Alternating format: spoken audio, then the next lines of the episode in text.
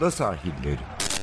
Hazırlayan ve sunanlar Mert Aydın ve Alp Ulagay.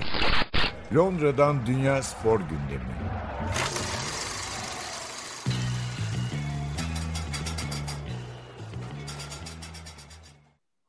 Ada sahillerine merhabalar. Ben Alp Ulagay.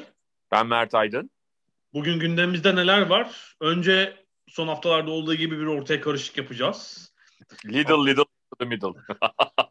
Tam öyle. Haftanın lakırdısı, yine biraz jimnastik, belki biraz yüzme, Spotty yani BBC'nin Sport Personality of the Year ödülü ve her hafta kayıp oluyor mu diyorduk. Türkiye'den bir kayıp var, değinmeden geçmek olmaz. Özkan Sümer. Onlara değineceğiz. Ee, sonraki iki bölümde de yine Premier Lig konuşacağız. Ee, altılar, yediler. Yani dördüncü haftadaki altı yedilerin öcü aynı hafta alındı. Liverpool ve Man United. Leeds, Everton, Chelsea, Arteta'nın çaresizliği. Onları konuşacağız. Önce jimnastikle girelim mi? Bu sefer girelim. Mersin'de Kadınlar Avrupa Şampiyonası vardı. Ve yine elbette eksik ülkeler vardı ama özellikle Türkiye'de kadın jimnastiği yani jimnastiğin genel anlamıyla bir emektarının belki de 20 yıllık çabasının daha da fazla herhalde 25 yıllık çabasının karşılığını böyle bir önemli madalyayla alması çok önemli oldu. Göksu Üçtaş Şanlı 2012'de 104 yıllardan sonra jimnastikte Türkiye'yi olimpiyatta temsil eden ilk jimnastikçi olmuştu. Arada ondan sonra 2012'den sonra e, evlendi çocuk yaptı üstüne. Sakatlandı ara verdi spora. Geri döndü 30 yaşında yani jimnastik gibi bir spor için e, hali ileri sayılacak bir yaşta da Avrupa ikincisi oldu. İkinciliği yer hareketlerinde aldı. Takım yarışmasında da e, Türk takımı Avrupa dördüncüsü oldu. Bugüne kadar elde edilmiş. En iyi derece. Özellikle Göksu Üçtaş'ın sanıyorum onu ajanslardan biri yapmış. Sonra İzmir'e dönüşte kızıyla falan kocaman kızı var yani 7 yaşında evet. falan herhalde. Kızıyla kavuşması falan o sahne gerçekten çok e, böyle gözleri nemlendirecek kadar duygusal bir andı. Şöyle diyebiliriz. Bazı sporcular için e, yani her sporcumuz, her sporcunun madalya kazanması da önemlidir. Ama bu kadar uzun ve bin bir engebeden inilmiş çıkılmış bir e, kariyerin sonunda güzel bir hediye oldu. Zaten çok önemli bir kariyeri var. Sen bahsettin 2012'de tarihi bir katılım gerçekleştirmişti e, olimpiyat oyunlarına. E, Birçok e, uluslararası e, yarışmada başarıları var, e, elde ettiği dereceler var ama bir Avrupa şampiyonası madalyası e, bir sporcunun kariyerinin sonunda e, o çok küçük yaşlarda acı çekerek başlayan o kariyerin sonunda muhteşem bir final diyebiliriz herhalde. E, ben 2012 olimpiyatlarından önce kısa bir röportaj yapmıştım. O zaman ben Hürriyet'teydim. Hürriyet'in e, fotoğraf stüdyosuna kadar gelmişti. Fotoğraf çekmiştik. 21 yaşındaymış o zaman olimpiyatlardan önce. Ve hani şundan bahsetmiştin. 12 yaşımda ilk defa milli takıma girdim o zamandan beri olimpiyatlara hedefliyorum demişti. Yani 2002, 2012 10 yıl var. Arada işte sakatlıklar falan da geçirmiş ama olimpiyat onun bir ilk rüyası onu başarmıştı. Sonra geçen eski arşivi bir karıştırayım dedim. Bilg bilgisayar da değil hatta. Bilgisayara sığmayan e, hard diskteki arşiv böyle jimnastik dokümanları var. 2005'te Türkiye şampiyonu mesela 15 yaşında hı hı. Türkiye şampiyonu olmuş. Yani bundan 15 sene önce yani şunun için söyledim. Bu Avrupa Şampiyonası'ndaki dört takım arkadaşı 2004 doğumluydu. Onun, yani Cemre Kendirci, Bilge Tarhan, Ece Yağmur Yavuz ve Dilara Yurttaş. Onlar 2004 doğumlu yani onlar bir yaşındayken Göksu Üçtaş zaten büyüklerde Türkiye şampiyonuymuş 15 yaşında. Evet yani şunu söyleyelim tabii ki e, giderek bazı şeyler dünyanın her yerinde olduğu gibi Türkiye'de de gelişiyor. E, ama yani Göksu'nun başladığı yılları düşünürsek bu spor dalına gerçekten yapması ekstra zor. Yani bu başarıları bu sabırla belli bir yerlere gelmek çok kolay değil. Çünkü tamamen hani nasıl diyeyim veli destekli bir spor jimnastik Türkiye'de. E, veliler ne kadar e, o desteği gösterebilirlerse ve de bunun tabii bir de şu şartı var. Çok doğru antrenörlerle eşleşmeleri gerekiyor yetenekli sporcuların. Bu da her zaman olmuyor. Bütün bunların sonucunda e, bir kariyer yolunuz oluyor. Bazen bu baştan planladığınız şekilde gelişmiyor ama bu kariyer yolunuzun sonunda nereye geldiğiniz çok önemli. Ben hep şunu söylüyorum. Türkiye'de bireysel spor yapan sporcuların olimpiyat oyunlarına kota alması bile bence saygıdeğer bir başarı. Çünkü çok zorlu yollardan geçiyorlar. Birçok ülkede o genç sporcular hepsi zor yollardan geçiyor ama o genç ve çocuk sporcuların önlerindeki taşları temizleyen birileri olabiliyor. Maalesef bizim sporcularımız özellikle Göksu'nun yaşında olanlar, e, o dönemde olanlar belki şimdi biraz daha işler iyileşmiş olabilir ama yine de çok kolay değil. E, o taşlara takılmamak takılmamaları için gerçekten yanlarında çok e, kararlı bir aile desteği artı çok ne diyeyim işin nehli antrenörlere ihtiyaç var. Belki de hani Türk jimnastiğinde bir başarı varsa son dönemde çok doğru bir yapılanmanın ve de doğru antrenörlerle doğru sporcuların eşleşmesinin herhalde çok büyük önemi var diye düşünüyorum. Yani e, zaten hani daha önceki haftalarda Suat Çelen'in uluslararası bir sporcuydu. Federasyon başkanı, şimdiki federasyon başkanı jimnastiğin.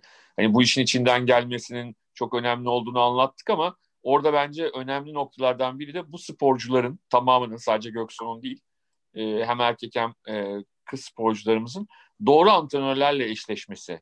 O eşleşmeler doğru yapıldığında çünkü hepimiz biliyoruz ki bu sadece hani şeyde değil normal okullardaki öğretmenlerle de ilgili bir şeydir. Öğretmen iyi olabilir, antrenör iyi olabilir, sporcu da iyi olabilir ama birbirleriyle uyuşmayabilirler. Birbirleriyle aynı e, dili konuşmayabilirler. Bunları sağlamak da bence çok çok önemli başarı için. Ben geçen yıl Ümit Şamiloğlu'yla konuşmuştum. Hı hı. Ümit Şamiloğlu o Göksu'dan da 10 yaş büyük biliyorsun. O 80 doğumlu. Tabii. Yani hani kadın erkeklerde işte bir tane bir 80 doğumlu, bir 90 doğumlu. İşte 90'ların ortasına doğanlar bir de 2000'li yıllarda doğanlar var. Şimdi Ümit Şamiloğlu tabii tüm süreci biliyor. Hatta yani tabii. 1990'da işte Türkiye Gençler Şampiyonu mesela bundan 30 sene önce.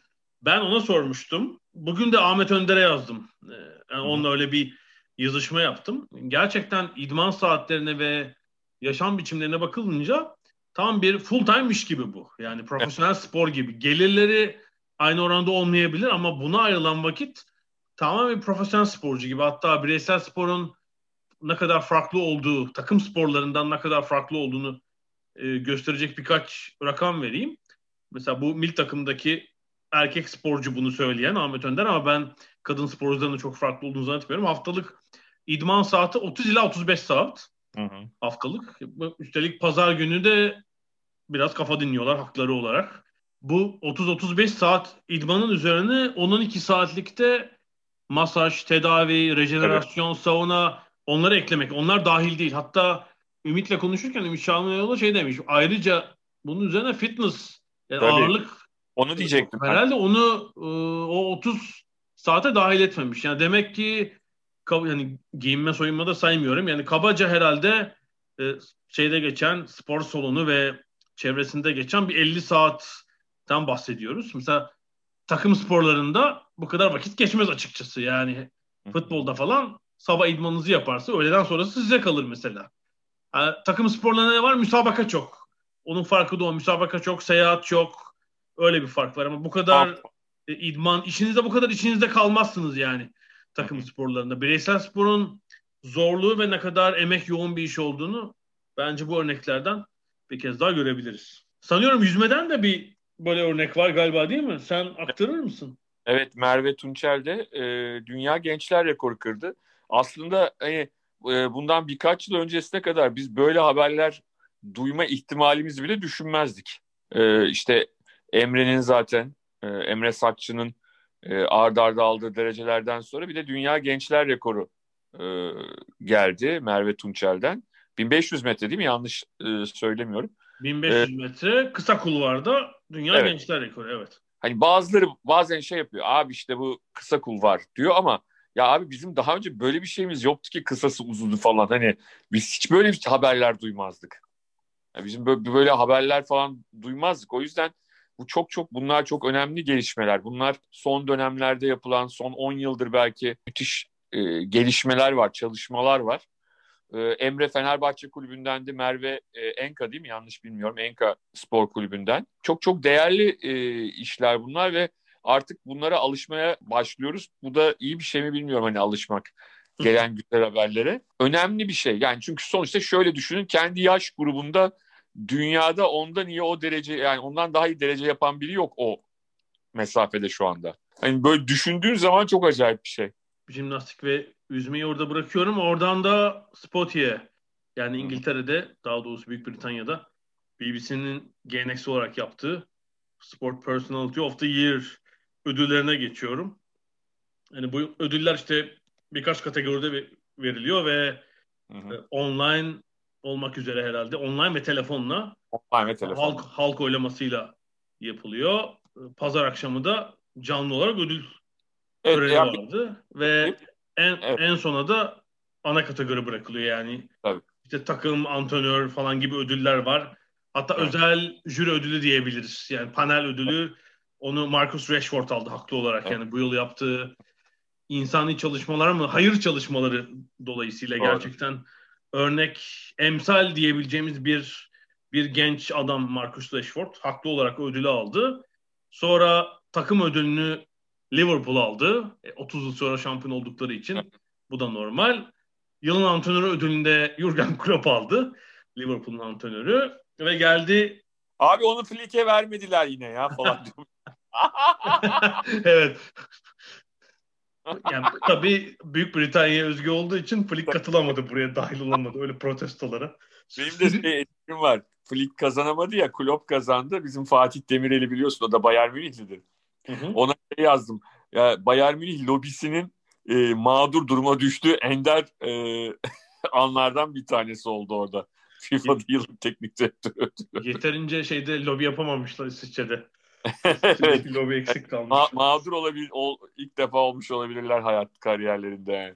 Mourinho bile kafa buldu. Bir iki kupa daha alsa belki anca, anca alabilirdi falan diye herhalde. Ve yılın sporcusu adayları da adayların en kuvvetlisi de e, Lewis Hamilton'dı. Evet. Ve yani diğerlerinden de biraz açıkçası ayrılıyordu. Çünkü işte 2020'de zaten tüm spor organizasyonu etkinlikleri aksadı. İşte olimpiyat, Dünya Kupası, Avrupa Şampiyonası gibi böyle büyük bir olay yoktu. Bir sürü spor dalındaki şampiyonlar ertelendi, kısa kesildi. E, belki bir şekilde şampiyonun devamını sağlayan Formula 1'in şampiyonu ve rekortmeni artık Lewis Hamilton tabii ön plana çıktı. Ben online oy, oyda biraz da sempatimle ve Henderson'a verdim oyu. Ya biliyorum Hamilton elbette hak ediyor. Biraz şey alternatif olsun diye Henderson ikinci oldu bu arada Liverpool kaptanı. Senin oyun laf mı?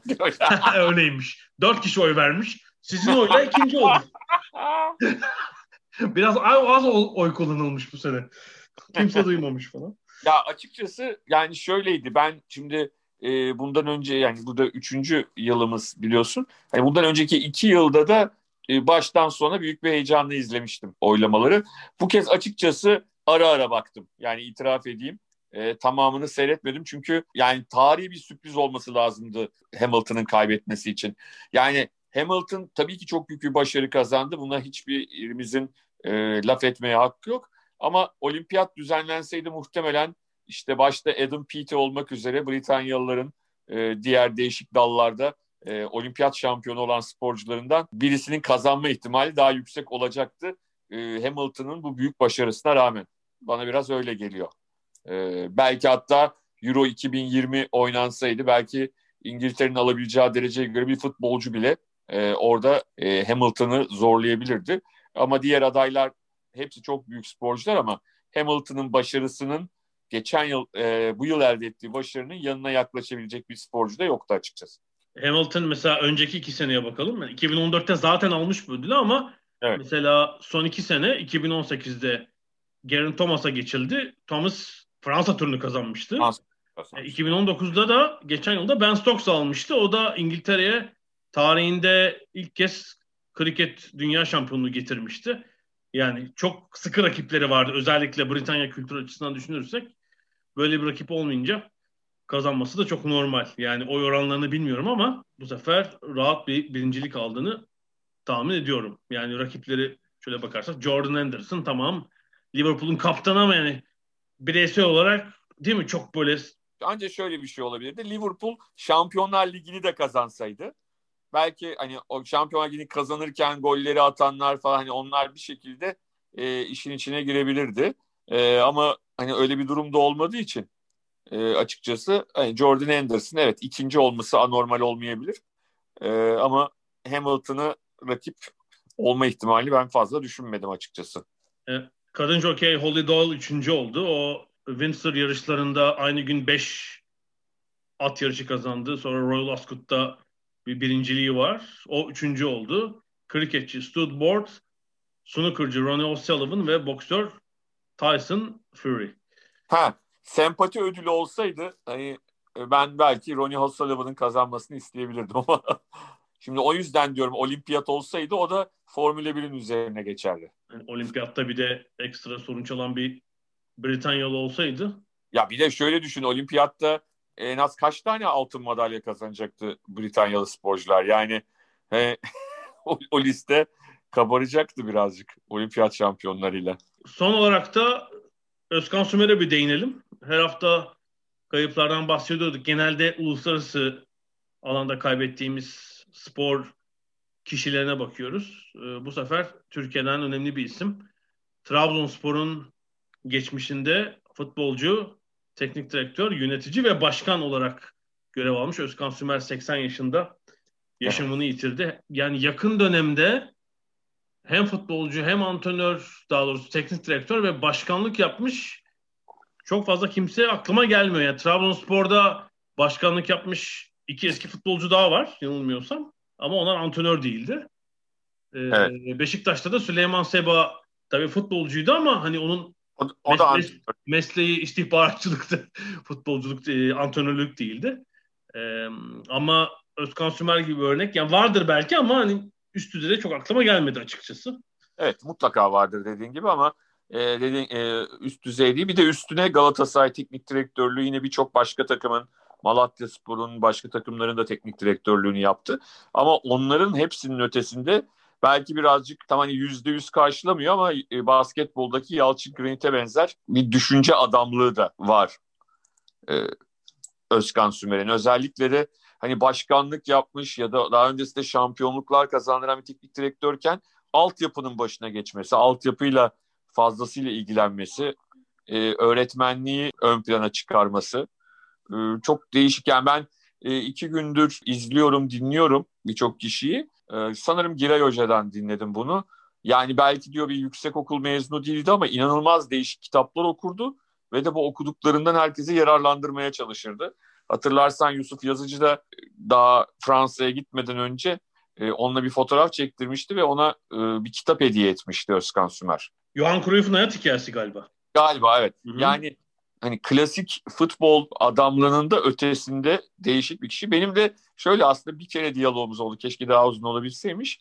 Yıllar önce yani bu dediğim herhalde 15-16 sene önce falan 6-17 sene önce başkanlıktan yeni ayrılmıştı Trabzonspor başkanlığından. Üç büyüklerden birinin bir yabancı futbolcuyla yine bir davası olmuştu. FIFA'lık olmuşlar klasik. Ee, Özkan Sümer başkanlığı döneminde de bir Lange olayı yaşanmıştı. Hatırlar mısın bilmiyorum Belçika Lange ile ilgili. Hı hı. Ve Trabzonspor e, galiba kazanmıştı o davayı. Onunla ilgili olarak da ben işte bana düştü iş e, sabah gazetesindeyken Özkan Sümer'i aradım. Telefonunu verdiler. Hani ben de hiç daha önce hiç konuşmuşluğum yok. Nasıl tepki verir, nasıl yapar bilmiyorum. Yani bazen çünkü insan e, şey oluyor. E, yani ne yapacak, hani nasıl bir şey verecek, e, yardımcı olacak mı diye düşündüm ama gayet e, güzel bir şekilde tek tek detaylı olarak hiç üşenmeden bana Langi olayında neler yaşadıklarını, neler yaptıklarını, o anda hatırlamıyorum hangi kulüptü Fenerbahçe, Beşiktaş, Galatasaray hangisiydi. Hani o kulübün de şunları şunları yapması gerekir, şöyle yapması gerekir, şunu yapması gerekir diye de çok detaylı şekilde anlatmıştı sağ olsun. Ee, yani benim hayatımda ilk, ilk ve son kez onunla hani bir öyle bir e, şey şansımız olmuştu, konuşma şansımız olmuştu. Ama hani e, o şeylerde anlatılan, e, internette dolanan ya da e, dergilerde, gazetelerde gördüğümüz meşhur anıları ve esprileri de herhalde en az e, futbola katkısı, katkısı kadar, Türk futboluna katkısı kadar konuşulur diye düşünüyorum. Ya çok komik hikayeler var. Toprak sağ yapmış. Web sitesinde oraya bakabilirsiniz. Orada birkaç örnek ve anı var. Yani onlar 4-5 eski oyuncuyla konuş, konuşmuşlar.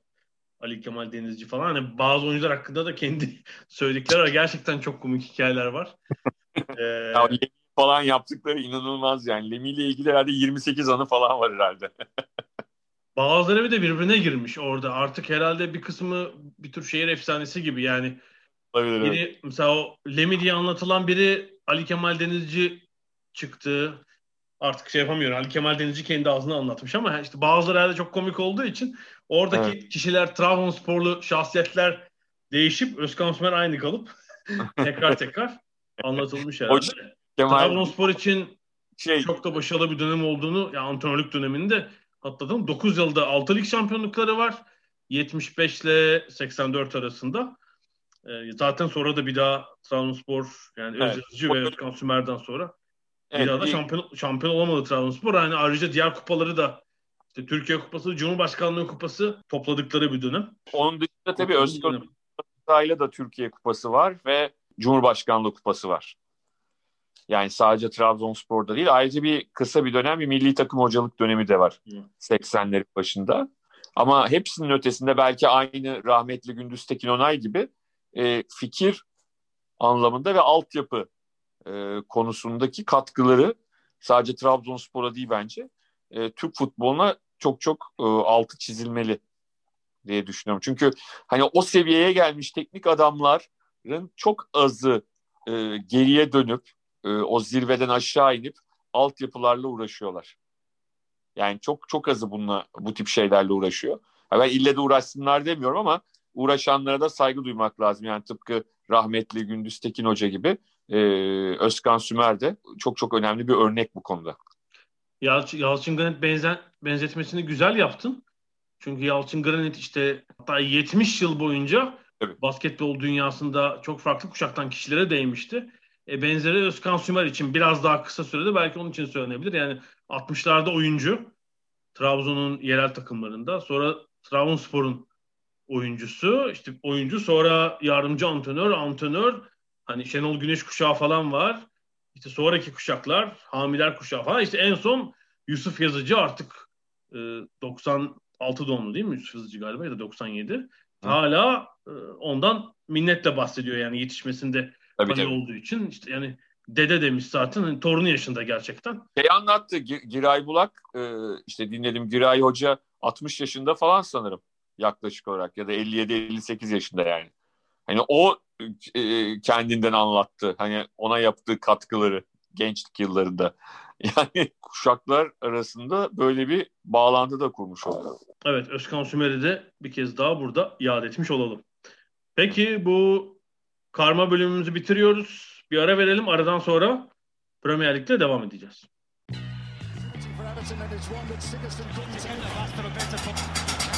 Ada sahilleri. Londra'dan Dünya Spor Gündemi.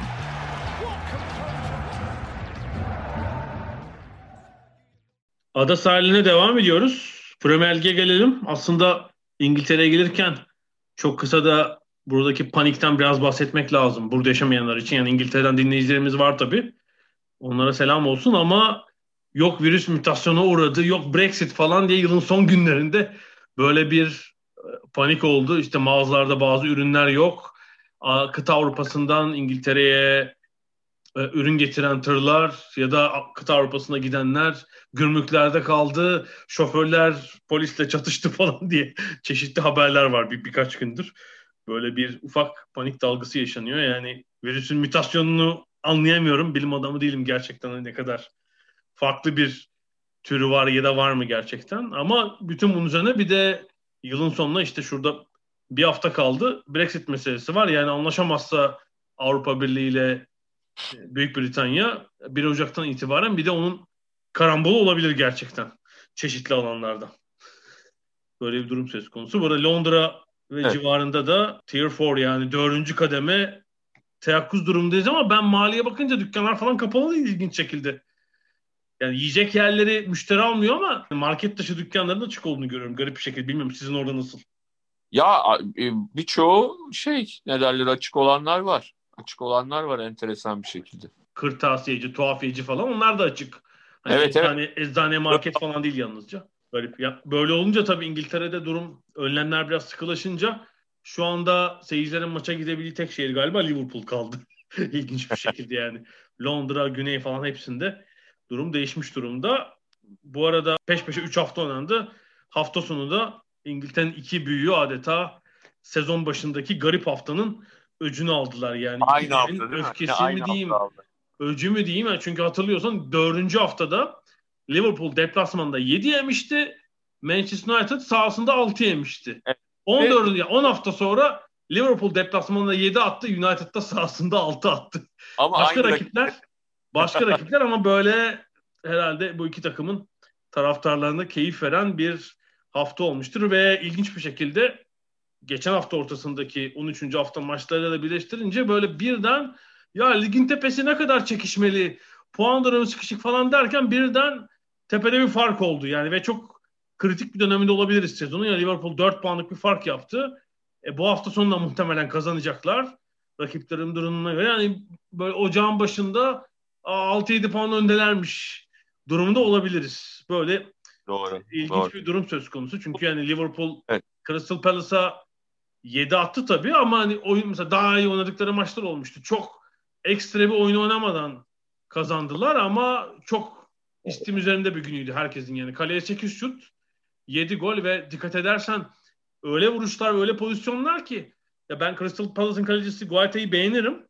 Yani herhalde çaresizdi adam pozisyonların çoğunda. Ya Yani- karşı karşıya O sa- pozisyon ya da uzaktan vuruşlarda da yani vuruş yapan oyuncunun yanında hiçbir savunma oyuncusu yoktu ya da müdahale eden kimse yoktu.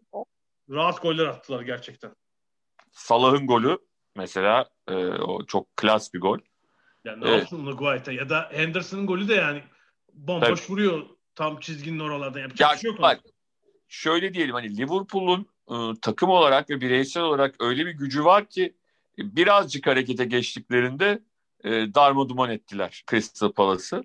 Ki yani hani Crystal Palace evet yani ligin e, efsane ve muhteşem kulüplerinden biri değil. E, en iyi takımlarından biri de değil ama öyle kolay gol yiyen bir takım değil. Zaman zaman büyükleri zorlayan e, bir takım. Hani onu 7-0 yenmiş olmak e, deplasmanda ekstra bir yine performans gerektiriyor. Ya Roy hocamın takımına 7 atmak. Adam 45 yıllık kariyerine ilk defa 7 gol yemiş herhangi bir takımı yani.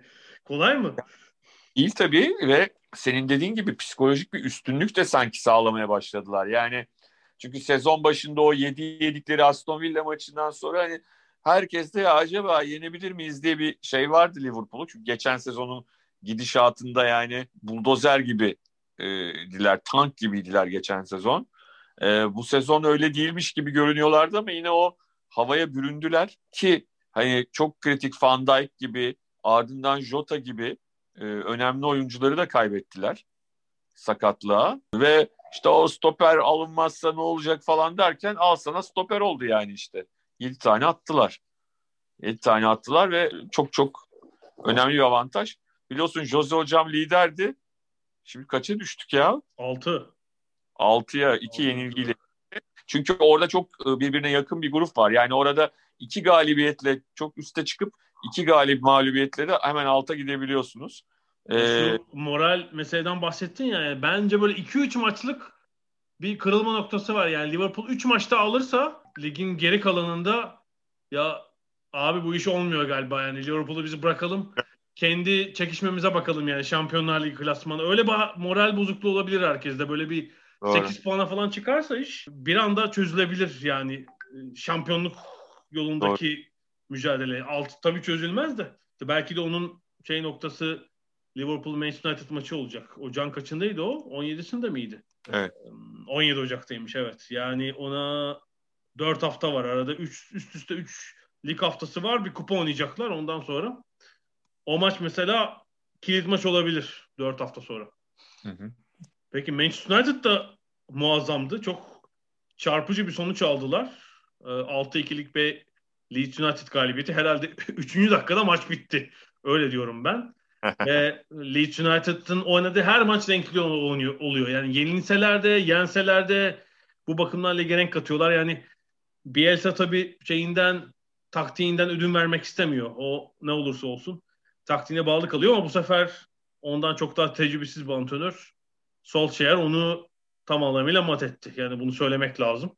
Onun orta sahadaki ısrarlı adam adama markajını bir hamleyle bozuverdi. Yani McTominay'i ileri attı.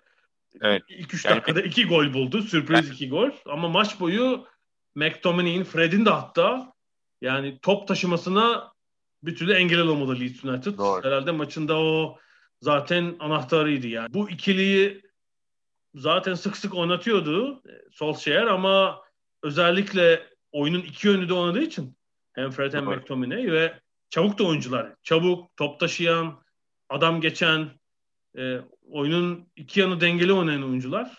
Yani e, kolay çözüldü Leeds United. Ee, ve de hani maçın içinde üst üste e, hafta içi maçlarının olduğu bir dönemde rahat rahat Fernandes'i, Rashford'u erken maçtan çıkarabilme lüksünü de yaşadı. Manchester United yani gerçekten sezonun en anlaşılmaz takımı olmaya devam ediyor. Yani bir hafta böyle bir performans, sonra üç gün sonra bambaşka bir performans, tersine doğru bir şey. Şu anda biraz daha böyle bir kendilerine gelmiş gibiler.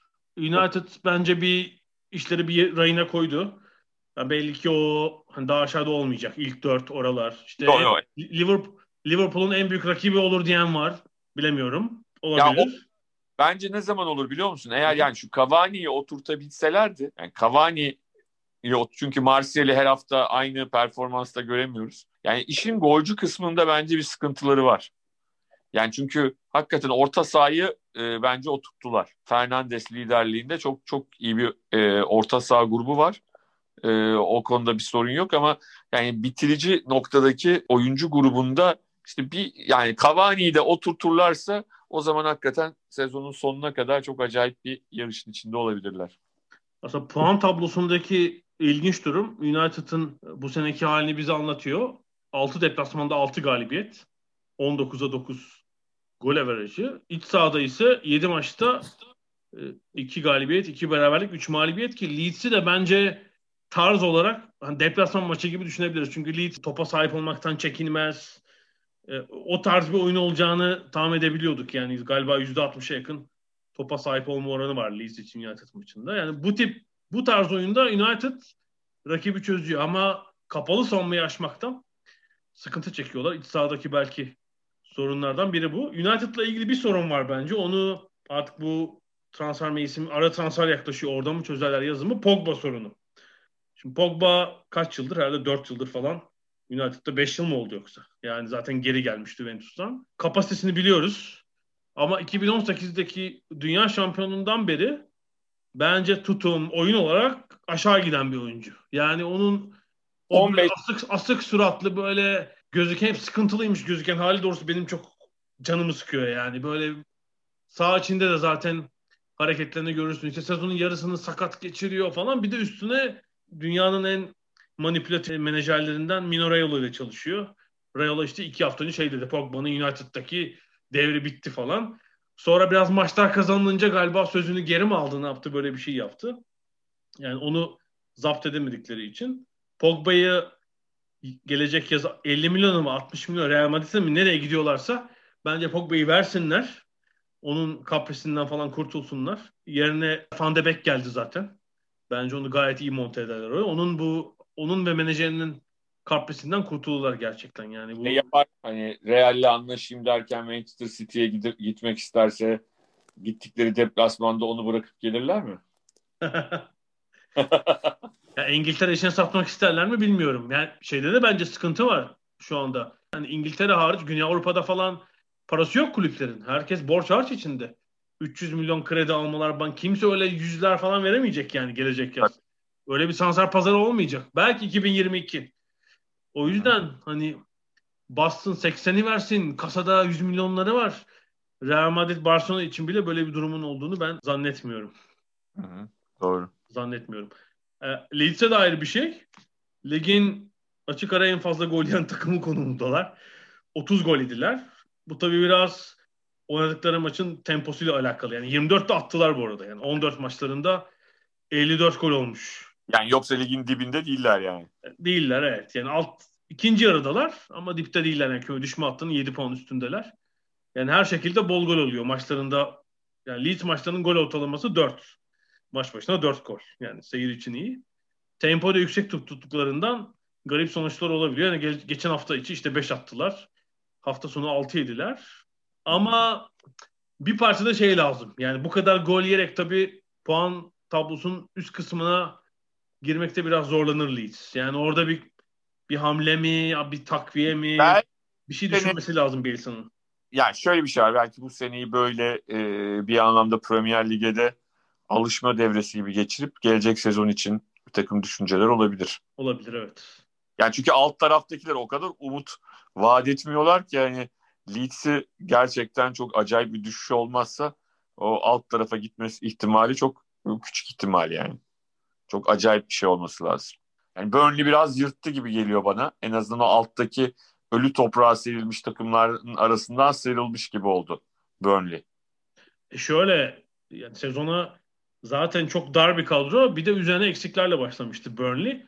Şimdi Tabii. o savunmadaki ikili ve hücumdaki ikili hepsi Tabii. sağlıklı olunca Wood'la Barnes geldi oraya kapı gibi. tabii bildiğimiz eski usul futbolunun uygulamayı başarıyor Burnley. Yani topu rakibe ver. Duran topları çok iyi kullan. İşte iki ta iki pivot sant forvetin hava hakimiyetinden faydalan golleri at. Yani son 7 maç 12 puan aldılar. Yani evet. Bu ortalamayla e, alttaki gruptan kurtulabilirler. Yani bir maçları da eksik. Gerçi o City maçı galiba ama o özellikle alttaki 3 takımla fark açabilirler. Yani bir anda 6-7 haftada Burnley için ciddi bir fark oldu. Yani onlar belli işte az atıp az yiyecekler. Leeds'e dair başka bir not. Böyle bir altılık maçtan sonra ertesi günkü takım toplantısını düşünemiyorum. Herhalde video seansı 3 saat falan sürmüştür. Yani geçen günlerde Patrick Bamford söylemişti. Hele yenildiğimiz maçlardan sonra bitmiyor, çok uzun sürüyor diye.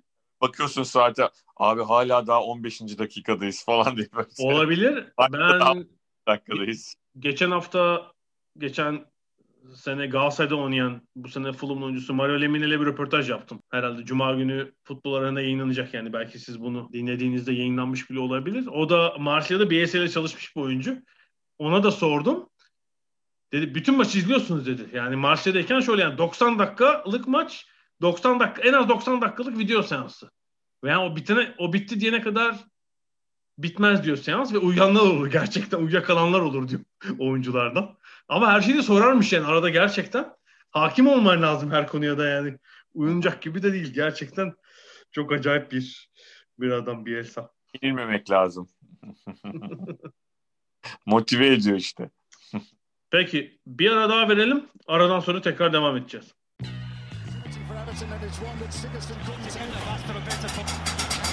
Ada sahilleri. Londra'dan Dünya Spor Gündemi.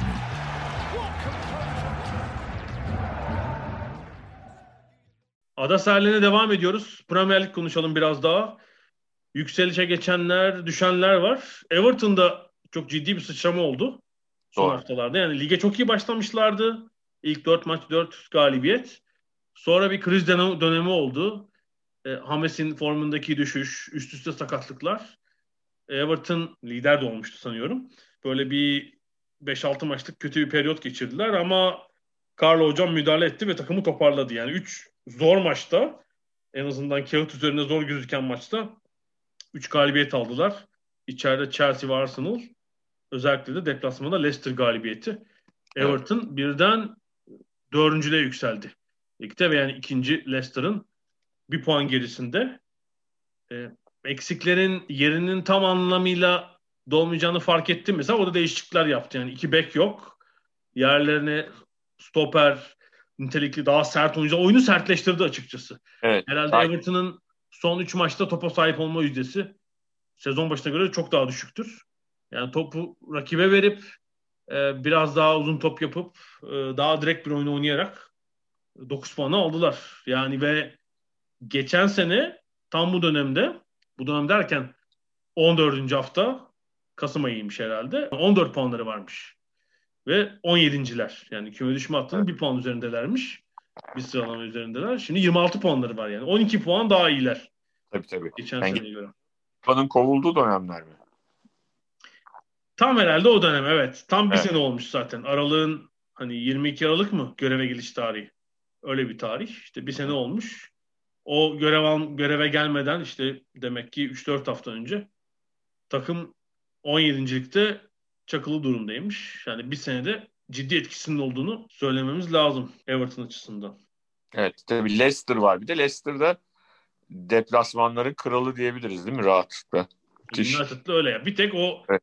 çok kötü oynadıkları Liverpool deplasmanı var değil mi? Rahat indikleri. Onun dışında 6 deplasman maçını kazandılar. Son maçta da Tottenham'ı mağlup ettiler. Bazen biraz şansları da yardım etti tabii. Yani bir iki pozisyonda.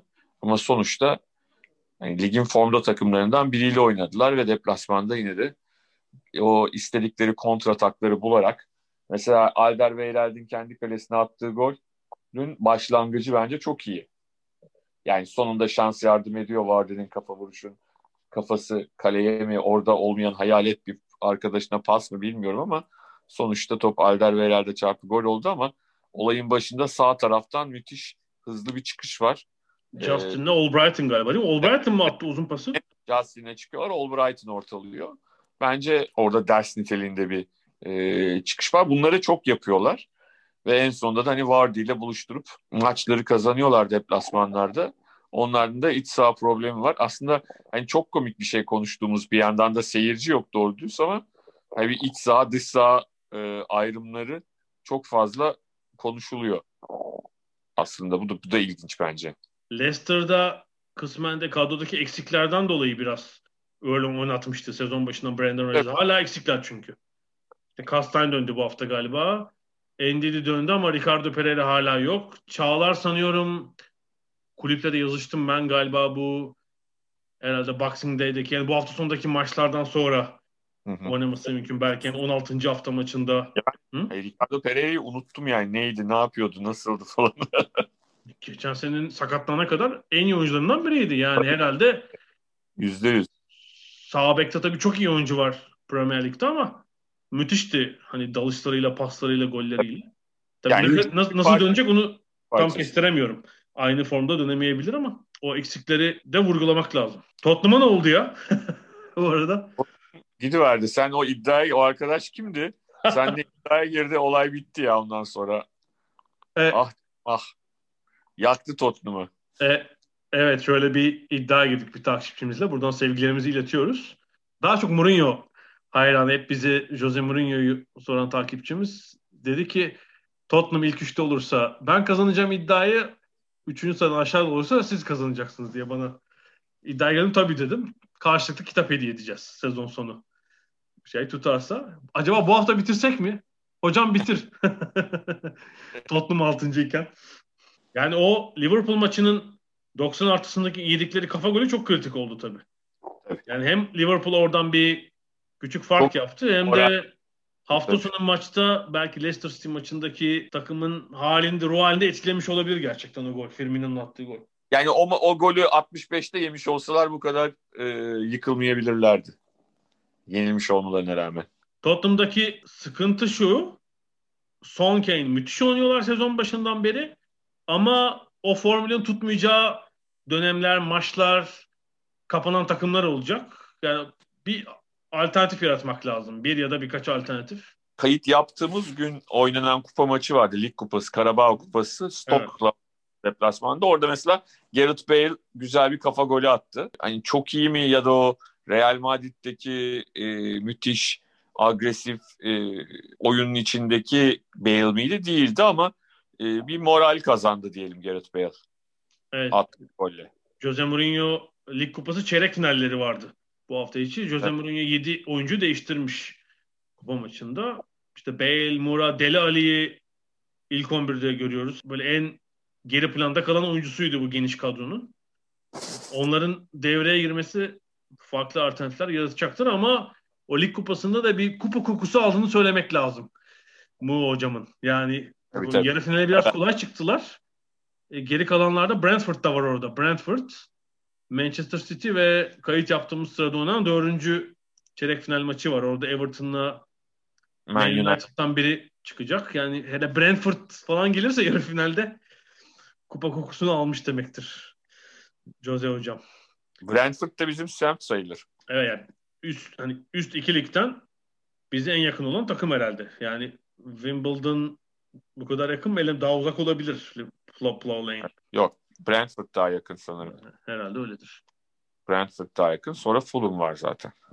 Bir de bir Chelsea var ya. Chelsea de bir Evet. mini kriz yaşadı. İki mağlubiyet falan ya ne oluyoruz? Hatta hani şey konuşuyorduk ya böyle Noel'e 8 puan falan ger- geride girerlerse sıkıntı neredeyse öyle olacaktı. Biraz biraz gayretle. Yani West Ham'ı tabii çok rahat de- değil. Sonda maç çözüldü ama hani aksi bir sonuç olsaydı Ki aksi bir sonuçta olabilirdi. Bir iki hani kritik pozisyonda oldu açıkçası. Oyun kopmadan. West Ham'da bir ufak düşüş olduğunu söylemek lazım ama işte Chelsea Tammy Abraham'ın o son iki golüne kadar maçı kopartamamıştı. Ondan önceki iki deplasmanda kötü oynadılar, kötü kaybettiler. Wolves maçının sonu çok kötüydü gerçekten özellikle geçen hafta içi. Evet. O maçı ikinci yarıyı öyle bir domine ettiler ki hakikaten Chelsea'nin hani bir şekilde gol yiyeceği belliydi. Öyle bir oyun ortaya koydular. Yani Chelsea biraz da yepyeni bir kadronun varlığı, çok fazla yeni oyuncunun varlığı. Werner epeydir gol atamıyor. Bunlar büyük sıkıntılar ilerleyen haftalarda. Çok fazla takımın birbirine yakın olmasının iyi yanları var ama kötü yanları da var. Bir kendi bir o, o falan derken bir anda herkes üstünüzde çıkmış olabiliyor ve moraliniz bozulabiliyor. E, dikkat etmek gerekiyor Chelsea açısından da bu duruma diye düşünüyorum. Tabii bir de e, bir takım daha var. Adı neydi? E, kırmızı beyazlı Londra'nın kuzeyinde. Barnett olabilir mi? Barnett yok. Yani şöyle söyleyeyim. Hakikaten ben ilk başta espri yapıyordum ama baktım yavaş yavaş İngiliz basın mensupları da bu esprileri yapmaya başladılar Twitter üzerinden. Düşmezler değil mi? Falan diye. Düşmezler değil mi? Şeyler böyle espriler. Düşmezler, düşmezler. Yani işte acaba işte Burnley maçları mı daha önemli? İşte atıyorum e, West Brom'la Fulham'la oynanacak maçlar kritik hale geldi falan gibi e, espriler yapılmaya başlandı. Yani çok acayip. Yani Arsenal şu durumda şöyle bir e, yani mesela bence Arsenal'in başaramadığı şeylerden biri şu yönetimin yani tamam Arteta'yı eleştirebileceğimiz, oyuncuları eleştirebileceğimiz çok fazla veri var elimizde. Ama diğer taraftan da yani bazı konuları halledememe konusunda e, zirve yaptıklarını söyleyebiliriz. Yani şu mesela Mesut Özil meselesini Arsenal dışında büyük bir kulüp hani Real Bayern tarzı bir takım kesin halletmişti. Yani ya Mesut Özil'i kiralamış ya da göndermişti tamamen ya da bir şekilde teknik direktöre bundan 3 maç 5 maç arada arada yararlan diye teknik direktöre telkin etmiş. Telkin yapmıştı. Şimdi gelinen noktada Mesut Özil kadro dışı ama yani birileri de şey diye sorabilir ya yani abi tamam bu adam öyle oynamıyor böyle oynamıyor kadro dışı bıraktınız iyi güzel ama ya oynayanlardan daha mı kötü bu adam? Yani o oynasa daha mı kötü olur bu takım? Şimdi bunu düşündürtmeleri bile bence yönetimin çok büyük bir zaafı. Yani e, ya bu oyuncuyu tamamen sat yani bir yolunu bulup sonuçta kolay değil bu işler ama gitmek istemiyor çok para kazanıyor ama abi zaten yani büyük kulübün yönetmek de e, bir takım ekstra beceriler istiyor bence. Yani Arsenal'in sorunlarında evet teknik direktörü eleştirebileceğimiz birçok şey olabilir ama bence yönetim herhalde Arsenal'i yönetenler e, bu konuda açık ara bir numaradalar yani şu gelinen noktada. Yönetemeyenler. Yani, Mesut'un, yani, Mesut'un durumu şeye benzetiyorum. Organize işlerde öyle bir replik vardı ya. Mesut nerede? Yedekte. Para nerede? Mesut'ta. E Mesut nerede? Yedekte. Araba para nerede diye bir sahne vardı. Ona Evet, benziyor. Para parasını veriyorlar, primini veriyorlar ama lisansı yok. Avrupa'da da yok, hiç oynatamıyorlar. Üstelik bir de üzerine tartışma oluyor. Hatta işte dün e, lig kupasında da 4-1 yenilip elendiler. Ertesi akşam Mesut sosyal medyada online yarışma yapıyor falan. Tanıdan soru alıyor falan galiba. evet, yani orada sıkıntı sonuçta bu adamdan rahatsız olabilirsin. Bu adamın da takımın parçası olmasını istemeyebilirsin. Mesut da çünkü e, bazı şeyleriyle bunu hak ediyor. Bazı davranışlarıyla geçmişte birazcık lakayt olmasıyla. Ama abi ya kurtulacaksın ya da bu adamdan yararlanacaksın. Yani bu adamla oynatmadığın için şu anda çok iyi durumda değilsin yani. Esas bunu konuşuyor olmamız zaten yönetimin başarısızlığının eseri yani. Tabii yani mesela gerçekten kadroda düşünmüyorlarsa ki Haziran Temmuz'da hiç oynatmayarak bence bunun sinyalini tamam. Arteta vermişti. Ne yapacaksın? Tabii. O Eylül Ekim transfer döneminde bir şekilde e, maliyetini de üstlenerek bunun kim çünkü onun ücretini kimse vermek istemez. Bir şekilde bir yılına kiralayacaktın. Gelecek yazda serbest kalacak. Takım kötü gittiğinde ya bu adam niye kadro dışı kaldı diye kimse demez. O orada başka bir takımda zaten sezonu devam ettiriyor olur. Yani çok çok saçma yani çok çok beceriksizce bir iş yaptılar. Hayır yani oyun bak oyunu düşmüş bile olsa Mesut Özil lisansının çıkmadığını son gün öğrenecek oyuncu tipi değil yani böyle ya tabii canım. Öyle bir oyuncu değil yani. Ya da kendi biliyordu da hani medyanın şeyini öğrenmesi. İşte lisanslar ne zaman diyelim ki 28 Ekim falan. O gün öğrenmez yani. O zaten bellidir önce de gönderilmiştir falan. Genç oyuncu değil ki o 22 yaşındaki. Garip bir durum. Arteta da biliyorsun pazartesi günü o herhalde lig kupası için bir online basın toplantısı vardı. Orada matematik formüllere falan girdi. %9 kazan kaybetme şansımız vardı ama kaybettik. %22 falan böyle. Aslında şu şey var. Hani, e, lig kupası maçını da seyrederken Hı-hı. hani aslında hani sahaya çıkan kadroya göre bence fena da oynamadılar belli bir döneminde maçın. Oyunu beraberliğe getirdiler, belli bir yere kadar getirdiler. Yani şöyle bir şey. Manchester City ile bu tür bir maç oynamak şöyle zor. Ee, hani siz de ikinci takımınızla çıkıyorsunuz. Manchester City de ikinci takımıyla. Ama Manchester City'nin ikinci takımı Mahrezli falan hani Laportlu falan bir takım yani. O kolay bir iş değil. Onu anlayabiliyorum ama ligdeki görüntü çok fecaat. Yani bilmiyorum bundan nasıl altı, bunun altından nasıl kalkacaklar. Bu hafta Chelsea maçına odaklandılar. Cuma günü barbekü yapılacak ve Arteta takımı kenetleyerek yani şaka maka hani işte öyle bir Chelsea falan gibi takıma karşı alınacak bir galibiyet tabii hem moral verir bir sıçrama sağlar ama yani her maçta şeyler sağ içindeki tüm olaylar takımın aleyhine gitti. Yani işte kartlar, kaçan hmm. gol, kalecinin beceriksizliği falan derken. Abi zaten e, bu, bu son maçtaki kupa maçındaki kaleci faciası.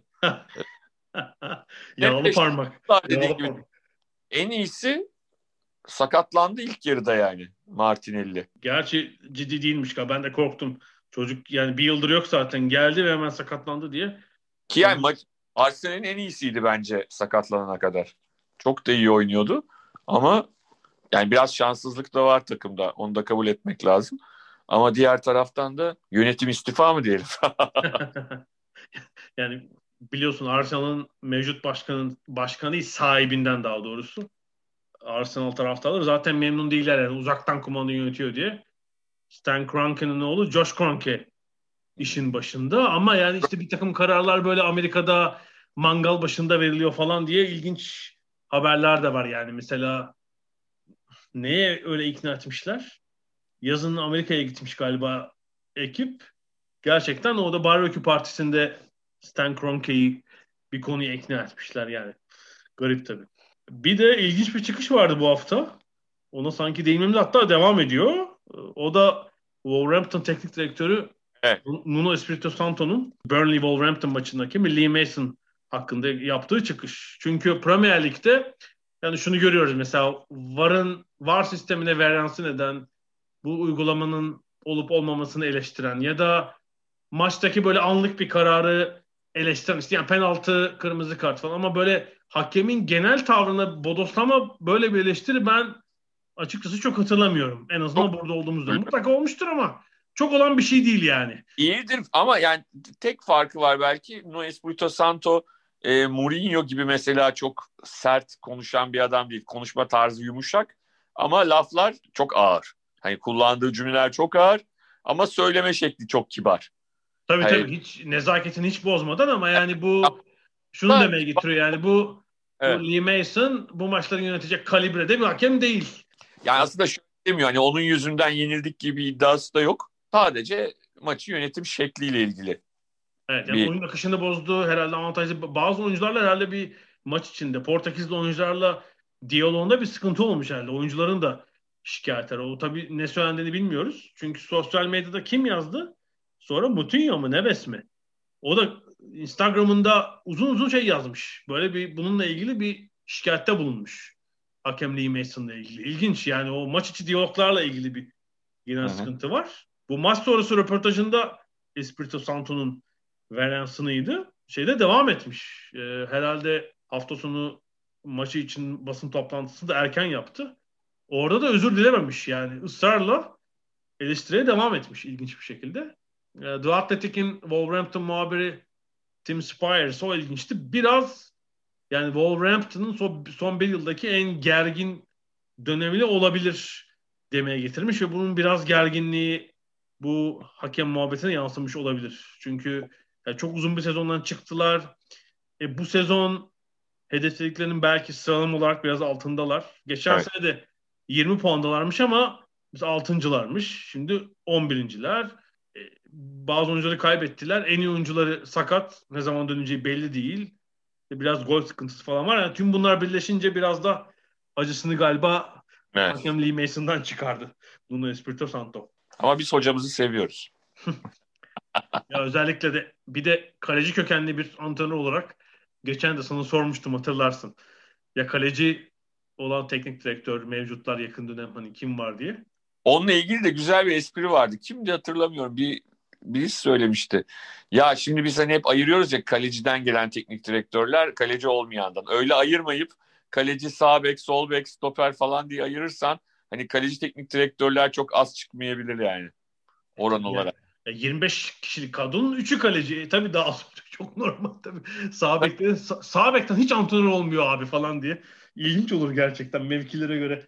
Yani aslında öyle düşündüğün zaman oran çok şey olmayabilir. Ne derler? E, düşük olmayabilir. Orada tabii şey var. Bir de kaleci antrenörlüğü diye ayrı bir meslek oluştuğu için aslında kalecilerin bir kısmı direkt teknik direktörlüğe değil şeye gidiyor artık.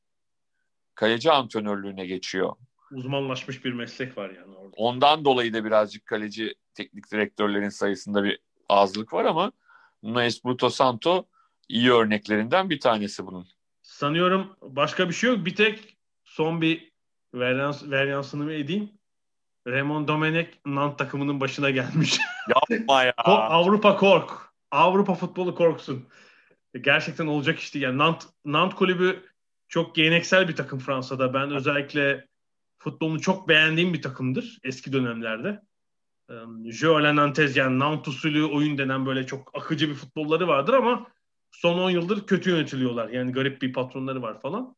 İşte üst üste antrenörler kovuluyor. Ne yapmış? Göreve getire getire Raymond Domenech son kulüp antrenörlüğü 1996'da son antrenörlüğü de 2010'daki Fransa faciasıyla sonuçlanmıştı evet. zaten.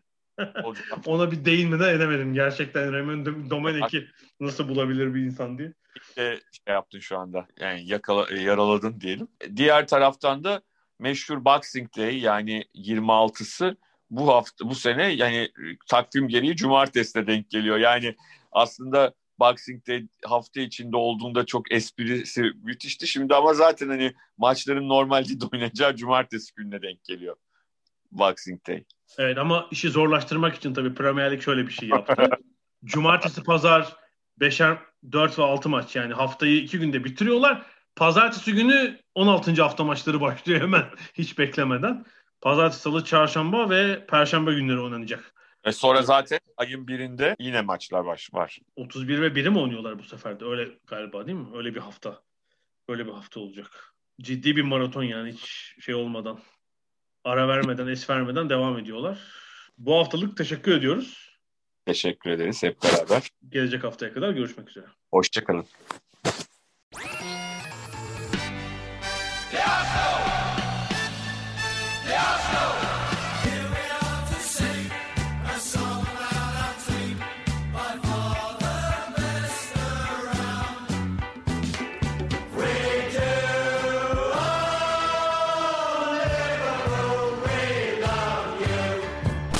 Ada sahilleri.